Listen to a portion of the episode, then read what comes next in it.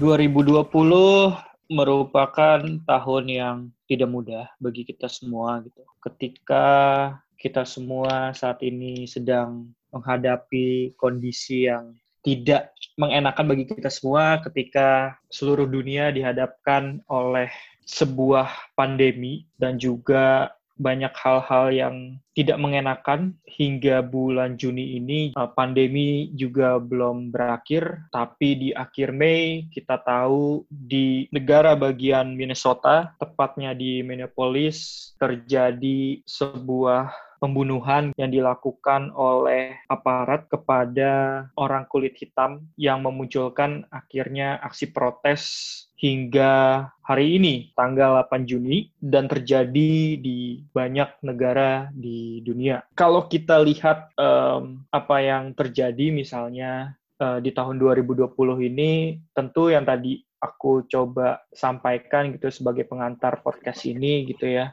kita dihadapkan sama situasi yang nggak mudah dari mulai pandemi dan kemudian um, kasus yang terjadi di akhir Mei ter terkait dengan um, rasial di uh, Amerika gitu. Kalau dari kamu sendiri, um, apa pendapatmu mengenai kejadian itu? Uh, rasisme di Amerika bukan hal yang baru ya. Maksudnya kita semua sama-sama tahu tiap udah ber, berpuluh, mungkin beratus. Sampai nggak tahu to be exact berapa lama rasisme di Amerika tuh bergulir gitu ditambah lagi dengan yang kita juga sama-sama tahu um, pemimpin negaranya sekarang serasis apa gitu. Um, hal ini tuh sebenarnya apa ya di mata aku tuh jadi sebuah revolusi. Gitu. George Floyd um, dia meninggal, dia dirampas nyawanya gitu. Di mana orang-orang um, kulit hitam atau orang-orang dengan kulit berwarna gitu kan uh, menghadapi rasisme di Amerika yang sangat tinggi, yang sangat membuat tidak nyaman, pada akhirnya inilah titik di mana mereka udah cukup geram untuk mentoleransi gitu. Dan ini saatnya mereka untuk kayak melakukan protes. Terutama um, yang perlu di-highlight adalah um, police brutality gitu atau kejahatan yang dilakukan justru dari polisi. Aku banyak membaca berita, banyak membaca thread Twitter, thread yang dari luar negeri, maksud thread dari um, US citizen sendiri bahwa ternyata selama ini polisi-polisi di sana banyak yang lalai gitu dalam tugasnya, banyak yang tidak bisa membela ya para warganya yang membutuhkan gitu. Either dalam kasus misalnya rape atau kasus um, perampokan, bahkan nggak sedikit orang-orang kulit hitam lainnya yang dipenjara berbelas tahun tanpa sebenarnya mereka benar-benar bersalah gitu karena salah duga, salah tangkap gitu atau memang sengaja salah tangkap gitu. Banyak ketidak apa ya ketidakadilan hukum yang menerpa um, orang-orang kulit hitam. Jadi maksud aku aku melihat kasus ini nggak expect tapi quite expected juga gitu untuk kayak mungkin memang udah di titik ini saatnya orang-orang di US bahkan yang misalnya apa kulit putih sekalipun yang mereka juga memang against police brutality dan against orang-orang yang rasis gitu untuk bersuara gitu untuk turun ke jalan menunjukkan protes ini menurut aku satu bentuk solidarisme orang-orang yang emang masih waras ya, yang masih kayak merasa emang rasisme tuh udah terlalu bodoh untuk kayak dibiarkan ber bertahun-tahun gitu. Dan itu aku masih sebagai sebuah revolusi sih. Dan um, kalau ngomongin itu kan ada beberapa juga yang,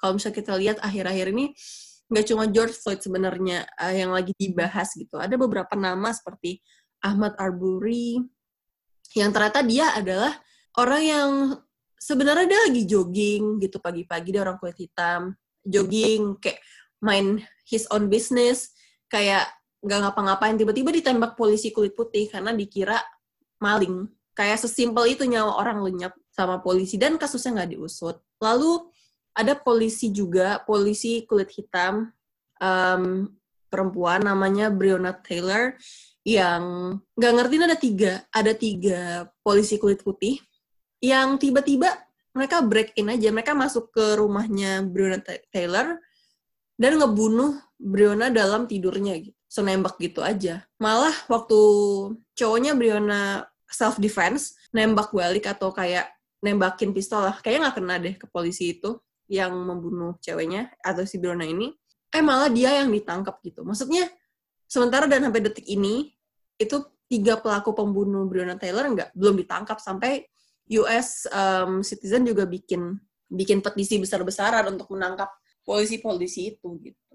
Maksudnya mudah banget gitu orang-orang polisi terutama kulit putih itu melenyapkan nyawa orang-orang berkulit hitam atau ras lainnya tuh gampang banget gitu. Itu concerning, menyedihkan dan emang udah saatnya sih untuk harus dilawan menurutku. Kalau menurutku sih uh, kita nggak butuh uh, another George Floyd gitu untuk bisa menghentikan atau misalnya dari misal pemerintah gitu ya di seluruh dunia untuk paham dan menyadari kalau misalnya um, rasisme itu perlu dihentikan gitu. Kita nggak perlu lagi ada George Floyd George Floyd lainnya gitu. Hmm. um, jadi sebenarnya kalau kita um, kaitin misalnya isunya kemudian berkembang gitu ya di seluruh dunia gitu.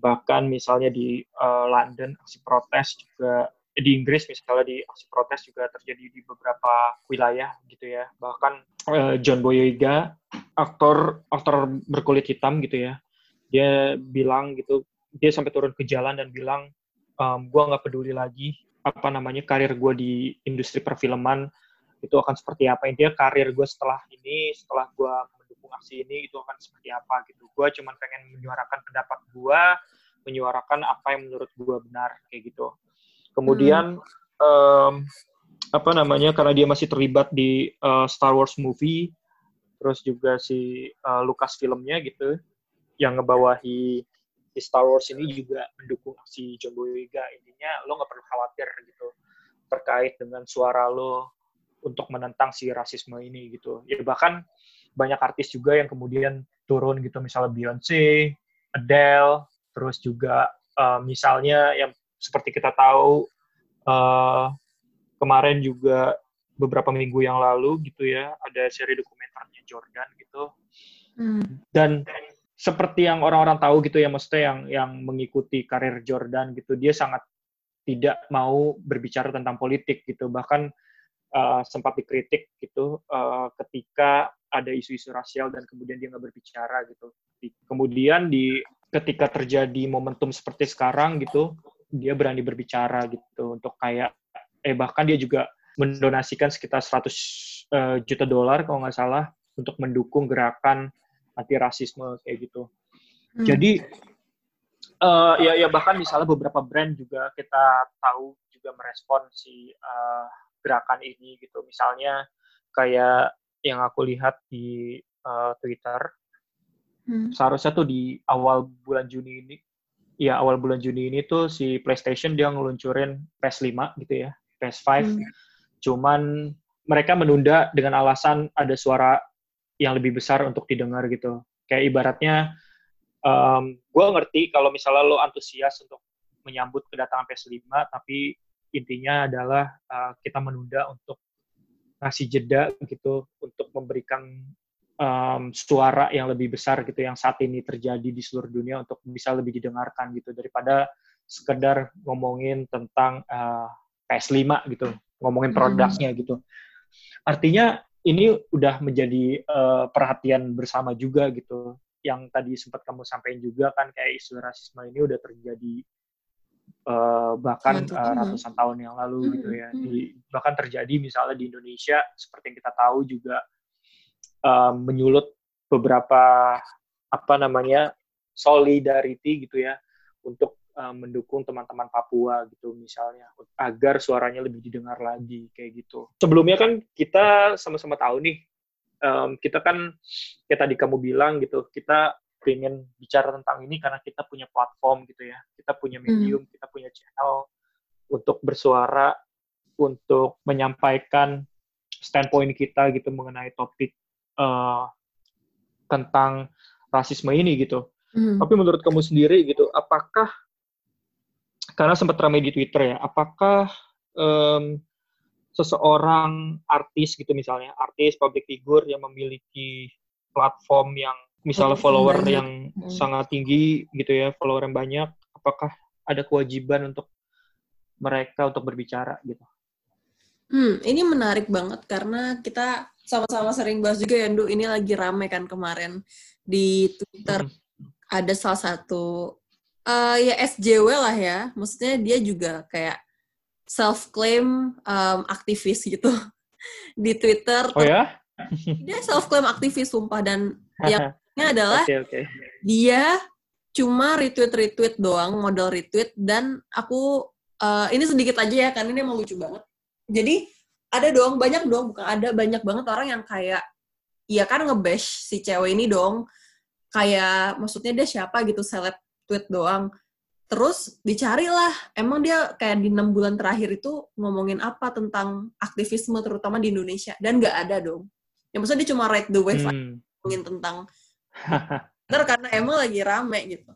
Dan kalau pasti kalau yang main Twitter yang emang daily ngecek Twitter tahu lah ya ini cukup ramai kemarin jadi si SJW ini alias seleb Twitter yang merasa penting ini dia um, mention mention dalam balutan ngebully sebenarnya. Salah satu selebgram atau influencer Anya Geraldine kan. Terus um, apa namanya? Dia bilang apa sih itu ibaratnya intinya kayak dia bilang um, platform segede gitu. Eh, iya, kayak platform lu tuh gede gitu lo yeah. gunain dong untuk uh, untuk berbicara, bersuara, intinya gitulah. Iya, dan maksudnya pertanyaannya adalah bukannya gue gini, aku nggak pernah, aku nggak pernah suka mendiskreditkan orang lain. Tapi di konteks ini, kayak mohon maaf, maksudnya apa yang kita ekspektasikan dari seorangnya Geraldine gitu untuk berbicara. I mean, if she has kayak platformnya oke okay lah, followersnya emang udah belakangnya kak gitu yang kayak dari ribuan. Tapi kayak apa yang lo ekspektasikan gitu dari seorang, maksudnya semua orang punya kapasitas kan, dan semua orang kayak oke okay, misalnya secara angka atau quantity hanya Geraldine tuh banyak banget followersnya gitu. Aku nggak tahu sih berapa to, uh, to be exact, tapi kayak bisa bilang lah 100 ribu followers misalnya. Tapi kalau yang nge-follow dia kayak cowok-cowok yang gak tertarik sama kasus aktivisme misalnya, atau cewek-cewek yang kayak segmentasinya, eh demografiknya mungkin anak-anak SMA gitu ke bawah yang maksudnya kayak you have to check the quality also gitu. Kayak maksudnya lo nggak bisa tiba-tiba kayak eh lo punya platform gede gunain dong yang bener gitu. Ngomong tentang aktivisme gitu. Lah kalau audiensnya nggak match kenapa lo ngatur platformnya gitu? Nggak bijak. Aku semua orang punya platform semua orang bebas berkarya ya. Tapi semua orang juga punya audiens masing-masing gitu. Mungkin kalau yang kayak sekarang teman-teman yang lagi dengerin kita gitu misalnya mungkin bisa kalian dengerin kita saat ini karena kalian punya um, spesifik itu kenapa kalian tetap dengerin kita sampai saat ini? Tapi kalau suatu saat kita ngomongin hal yang di luar dari yang kita biasa omongin maksudnya kan kayak belum tentu kalian tetap stay di sini. Maksudnya it's all about audience gitu. Dan capacity yeah. of the speaker itself gitu themselves maksudnya kayak yeah, ekspektasikan semua orang yang punya um, followers banyak itu punya kapasitas yang besar juga untuk berbicara um, sesuai dengan ini apa namanya topik yang sedang bergulir. Be honest, aku kemarin um, salut. Aku juga salah satu apa ya penggemar Kate Kane atau Nadine Amiza. Dia sempat nge-tweet gitu. Dia bilang banyak banget teman-teman yang nge-DM aku minta aku bahas topik yang lagi um, rame sekarang gitu. Mau aku gak bisa. Hmm. Intinya aku ya kata-kata nggak terlalu persis cuma intinya gini mohon maaf aku nggak bisa ngomongin hal yang di luar dari yang aku paham gitu itu di luar dari yang betul betul dan aku sangat mm salut gitu maksudnya lo nggak bisa expect semua orang ngerti politik dan aktivisme dan ya some people cuma mau main Twitter karena nge-share badan seksinya that's it. Kayak ya udah dia punya pasarnya sendiri untuk itu gitu. Gitu. Menurut aku gitu ya, um, kamu gimana? oke okay, oke. Okay. ya kalau menurut aku sih banyak pertimbangan ya ketika misalnya um, lo sebagai public figure gitu ya um, untuk membicarakan topik-topik yang cukup sensitif gitu. Membicarakan tentang uh, isu ras agama gitu. Atau berkaitan dengan um, standpoint kita lah akan sesuatu gitu misalnya walaupun kalau kita bicara tentang anti rasisme itu kan masalah keberpihakan gitu ya. Kita perlu berbicara sebenarnya. Perlu berada dalam posisi tegas gitu untuk kayak lo berada di jalur yang mana nih gitu. Tapi apakah lo mempunyai kewajiban untuk berbicara di platform lo itu urusan yang berbeda gitu. Mm. karena karena banyak hal yang harus dipertimbangkan gitu misalnya terkait dengan masa depan ya kayak misal tadi John Boyega ya bilang dia secara terang-terangan ya gue fakit lah. Gue mau masa depan gue kayak gimana di perfilman intinya gue pengen pengen ngomongin tentang ini gitu. Cuman kemudian di backup gitu kan. Artinya lo hmm. lo nggak perlu masalah gitu lo ngomongin aja gitu. Sama kayak misalnya di uh, di minggu lalu kalau nggak salah ya um, di sepak bola ini. Uh, misalnya Jadon Sancho dia pemain Dortmund gitu ya. Habis uh, melakukan apa namanya habis mencetak gol dia melakukan selebrasi dengan membuka uh, bajunya. Kalau nggak salah tuh tulisannya intinya adalah mendukung untuk uh, George Floyd gitu. Kemudian ada pertimbangan dari asosiasi sepak bola Jerman gitu untuk kayak memberikan hukuman lah intinya gitu terhadap aksi aksi si Jadon Sancho ini gitu aksi selebrasinya gitu. Kemudian kalau nggak salah di backup oleh FIFA untuk kayak nggak apa-apa saat ini untuk berbicara tentang hal itu gitu karena di sepak bola itu isu-isu rasisme juga sangat besar gitu jadi hmm. nggak hmm. masalah untuk membicarakan uh, hal ini gitu akhirnya si asosiasi si sepak bola Jerman ini kemudian nggak menghukum dan malah mendukung aksi si Jadon Sancho gitu artinya memang ya yang aku bilang tadi gitu ini ini adalah um, masalah keberpihakan gitu untuk berbicara tentang ini gitu apakah kemudian nanti setiap orang harus berbicara, ya aku setuju dengan tadi pendapatnya siapa Nadine ya. Mm-mm. Lebih baik ya uh, seseorang tuh berbicara sesuai dengan kapasitasnya aja gitu. Jadi lo nggak perlu maksa-maksa juga gitu ketika gue nggak mau ngomongin topik tertentu ya bukan berarti gue kemudian mendukung aksi rasisme gitu. Yeah. Ngerti gak sih? Jangan ibaratnya tuh kayak kalau gue nggak ngomong sesuatu bukan berarti gue mendukung um, aksi yang saat ini uh, berlangsung. Misalnya aksi si rasisme apa segala macam gitu. Gue nggak berbicara ya karena emang gue itu pilihan gue gitu. Dan jangan menganggap gue ketika gue nggak berbicara gue mendukung aksi dari misalnya police brutality dan lain sebagainya kayak gitu. Itu um, spektrum yang berbeda ya kalau membicarakan seperti itu gitu loh. Terus juga what do you think about um, situasi di Indonesia saat ini mengenai isu-isu rasisme gitu yang kamu tahu aja gitu hmm. dan apa harapannya misalnya kayak apa yang kamu harapin gitu terhadap si uh, isu-isu rasial di Indonesia gitu iya jadi kalau mungkin orang-orang Indonesia sekarang banyak yang juga tergerak untuk ngomongin Black Lives Matter terus juga ngomongin tentang speak up tentang rasisme tapi kadang atau justru most of the time orang Indonesia tuh nggak sadar loh kalau Indonesia juga um, tempat di mana rasisme tuh sangat berkembang biak gitu. Kita betul, kan betul. Iya, kita Indonesia ini kan punya punya beragam etnis, suku budaya, nusa bangsa kayak yang semua itu kayak campur-campur kan maksudnya kayak 33 provinsi, berbagai suku, berbagai um, latar belakang. Nah, uh, rasisme itu tuh juga tinggi di Indonesia gitu.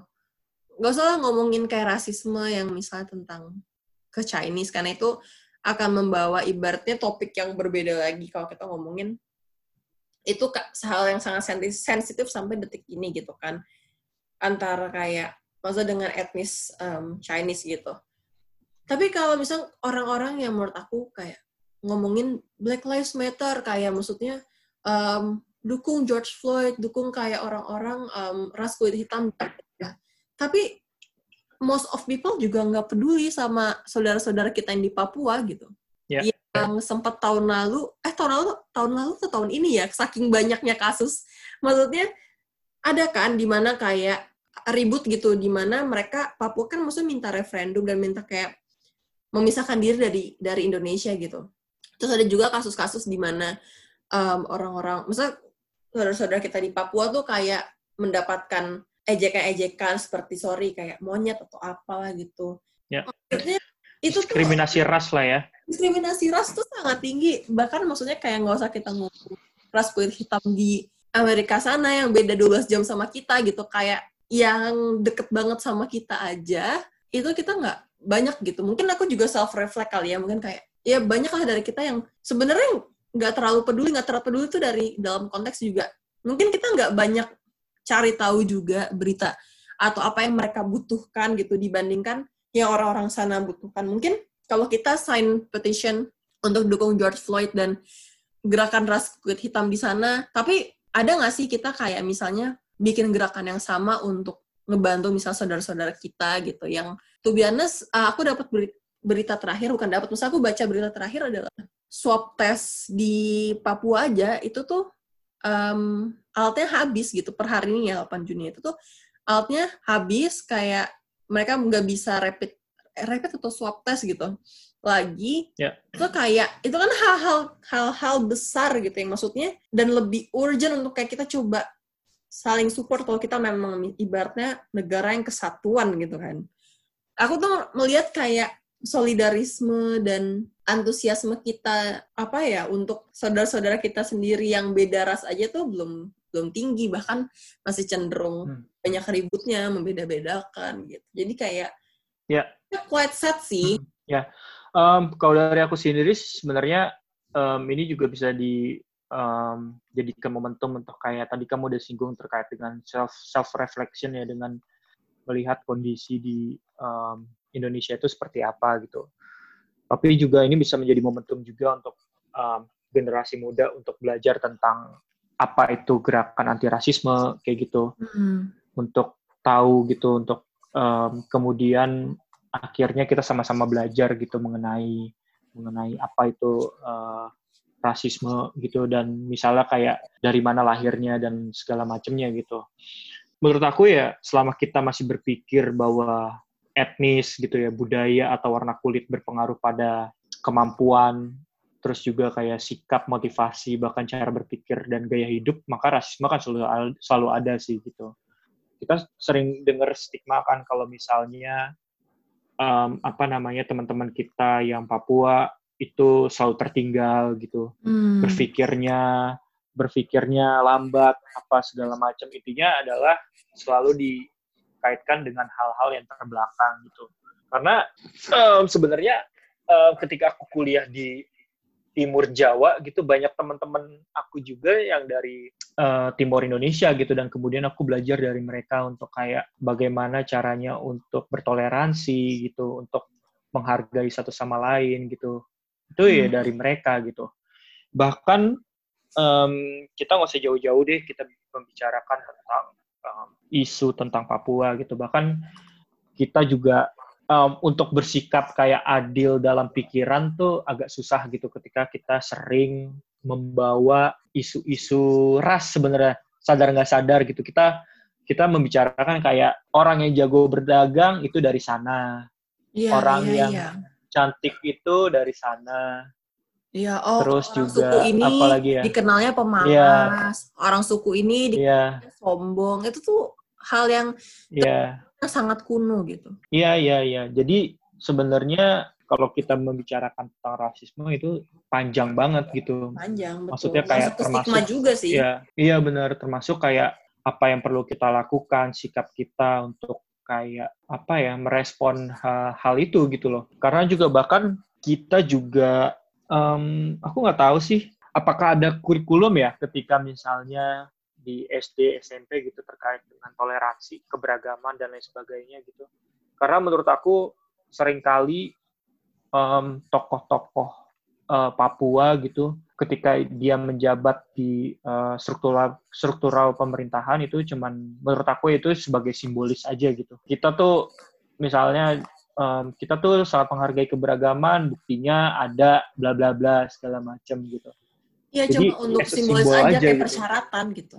Iya, as a simbol aja gitu kalau iya. misalnya ada representasi dari uh, tokoh misalnya tokoh Papua misalnya itu di dalam pemerintahan kayak gitu atau misalnya di dalam institusi-institusi lainnya. Jadi emang cukup panjang gitu membicarakan tentang ini gitu. Tapi itu tadi sih um, isu misalnya atau tagar Black Lives Matter ini kan bukan hal yang baru ya. Ini kan um, apa namanya dimulai ketika kalau nggak salah di tahun 2013 gitu. Hmm. Sama waktu itu di akhir 2012 itu ada ada kasus uh, masih related sama police brutality kemudian muncul apa namanya beberapa orang mendirikan Black Lives Matter gitu untuk agar um, gerakan ini menjadi momentum ketika misalnya ada aksi-aksi rasisme gitu itu bisa di dibangkitkan lagi gitu. Bahkan ya sampai sekarang gitu uh, si hashtag ini kembali muncul gitu. Ya. Ini adalah momentum untuk membuka mata dunia gitu. Jadi aku melihatnya sangat apa ya di tengah pandemi COVID yang orang-orang dipaksa untuk misalnya harus physical distancing, tapi gerakan nurani orang-orang di US sana tuh bahkan udah kayak kasarnya screw this lah gitu. Kayak screw this corona, kayak kita kumpul di kita kumpul kita suarakan nurani kita gitu sampai kayak melawan physical distancing gitu maksudnya uh, aku melihat itu sebagai apa ya dari sudut pandang bahwa sebesar itu amarah orang-orang untuk melawan police brutality dan rasisme di di Amerika gitu. Maksudnya solidarisme udah setinggi itu. Walaupun jadinya ada kayak ya beberapa jadi kayak ngejarah which yang memalukan adalah aku lihat beberapa video yang di Twitter yang ngejarah um, apa namanya tempat perbelanjaan yang fancy gitu. Justru orang-orang kulit putih gitu ngambil kesempatan.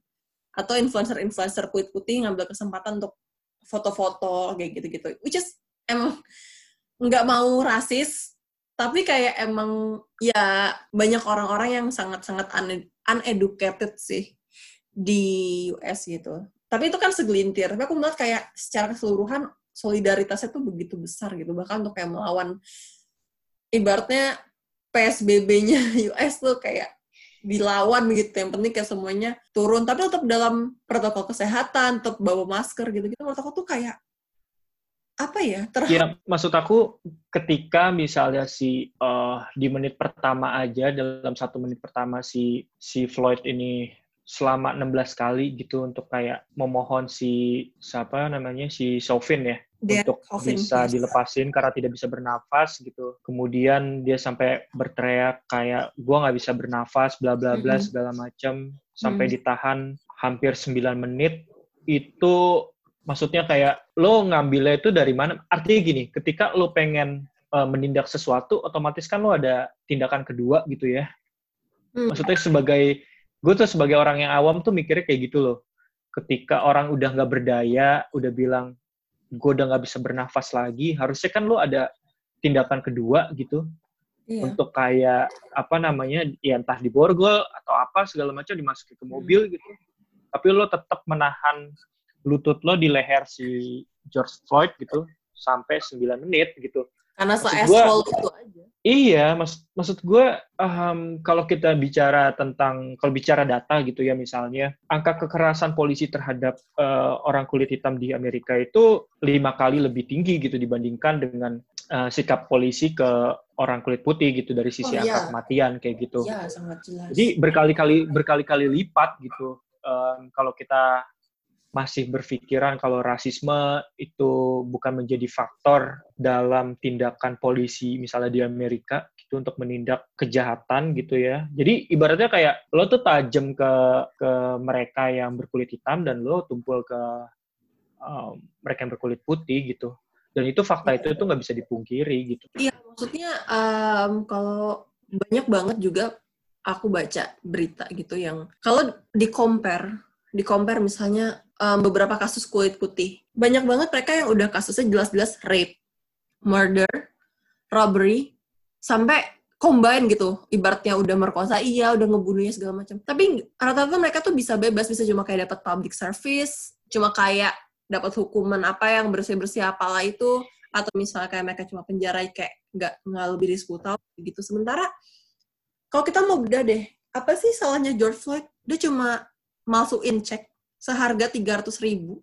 Kan dia kan kalau nggak salah supir ya, supir truk, nggak salah.